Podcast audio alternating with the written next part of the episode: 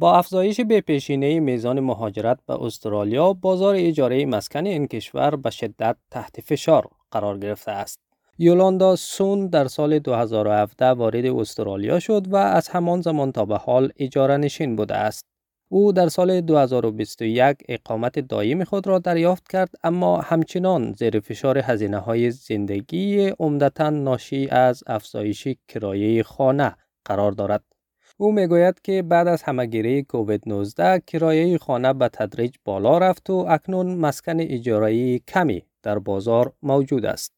After the pandemic, rent has been gradually increasing with small increments of $10 to $15. There are relatively few available housing options.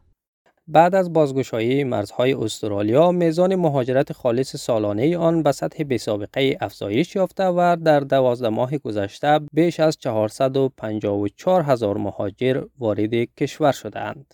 اما این افزایش پس از افت شدیدی در میزان مهاجرت می آید که در دوران کووید 19 رخ داد. آمار نشان می دهند که افزایش مهاجرت تا حدودی به دلیل افزایش تقاضا بوده است. اما همزمان در میزان خروج مهاجران از کشور نیز 22 درصد کاهش آمده است. الایزا آون مدیر بخش تحقیقات شرکت داده های املاک کورلوجیک است. او می‌گوید اغلب مهاجران وقتی تازه وارد کشور می شوند اجاره نشین هستند. اما این تنها آخرین محرک رشد در بازار اجاره است. ما باید به یاد داشته باشیم که حتی زمانی که مرزها به طور کلی برای مسافران خارجی بسته بودند ارزش کرایه خانه هنوز 16.5 درصد افزایش یافت Most migrants are typically renters when they first get here, but that's only a very recent driver of growth in the rental market. We have to remember that even when borders were largely closed to overseas arrivals, rent values still increased about 16.5%.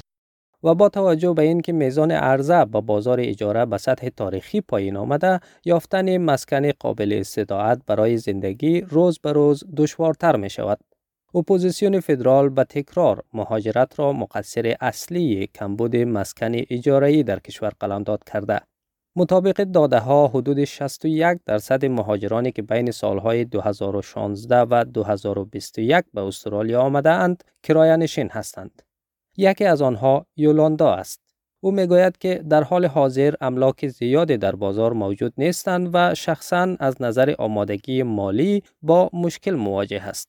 Currently, there aren't many properties available in the market, and I also face some difficulties in terms of financial preparedness. خانم آون می‌گوید که اگرچه مهاجرت کوتاه مدت بر بخش مسکن فشار آورده اما مهاجرت استراتژیک در واقع می تواند یک راه حل برای بحران مسکن باشد.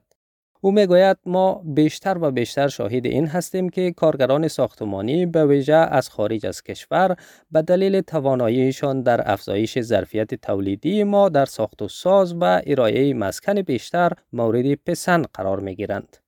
We're seeing more and more that construction workers, in particular from overseas, are being favoured for their ability to help increase our productive capacity in construction and actually deliver more housing. پایوش تیواری استاد دانشگاه ملبورن است. او میگوید که مهاجرت لزوما دیوی نیست که ما در حال حاضر سعی در رام کردن آن داریم. دیوی بزرگتر کمبود عرضه است و کمبود عرضه فقط از طریق اصلاح ساختاری مانند اصلاح فرایند برنامه ریزی شهری و تغییر تراکم در شهر قابل حل است. Migration is not necessarily the kind of devil that we are trying to tame at the moment. The bigger devil is the lack of supply. And the lack of supply can only be addressed through some structural uh, reforms, like in the planning process or in changing the densities in the city. از آنجایی که مهاجرت فرصت برای رشد اقتصادی است، محققان می‌گویند که تعیین اهداف به جای سقف برای برنامه مهاجرت می تواند به استرالیا کمک کند که پتانسیل جمعیت در حال رشد خود را بهتر درک کند.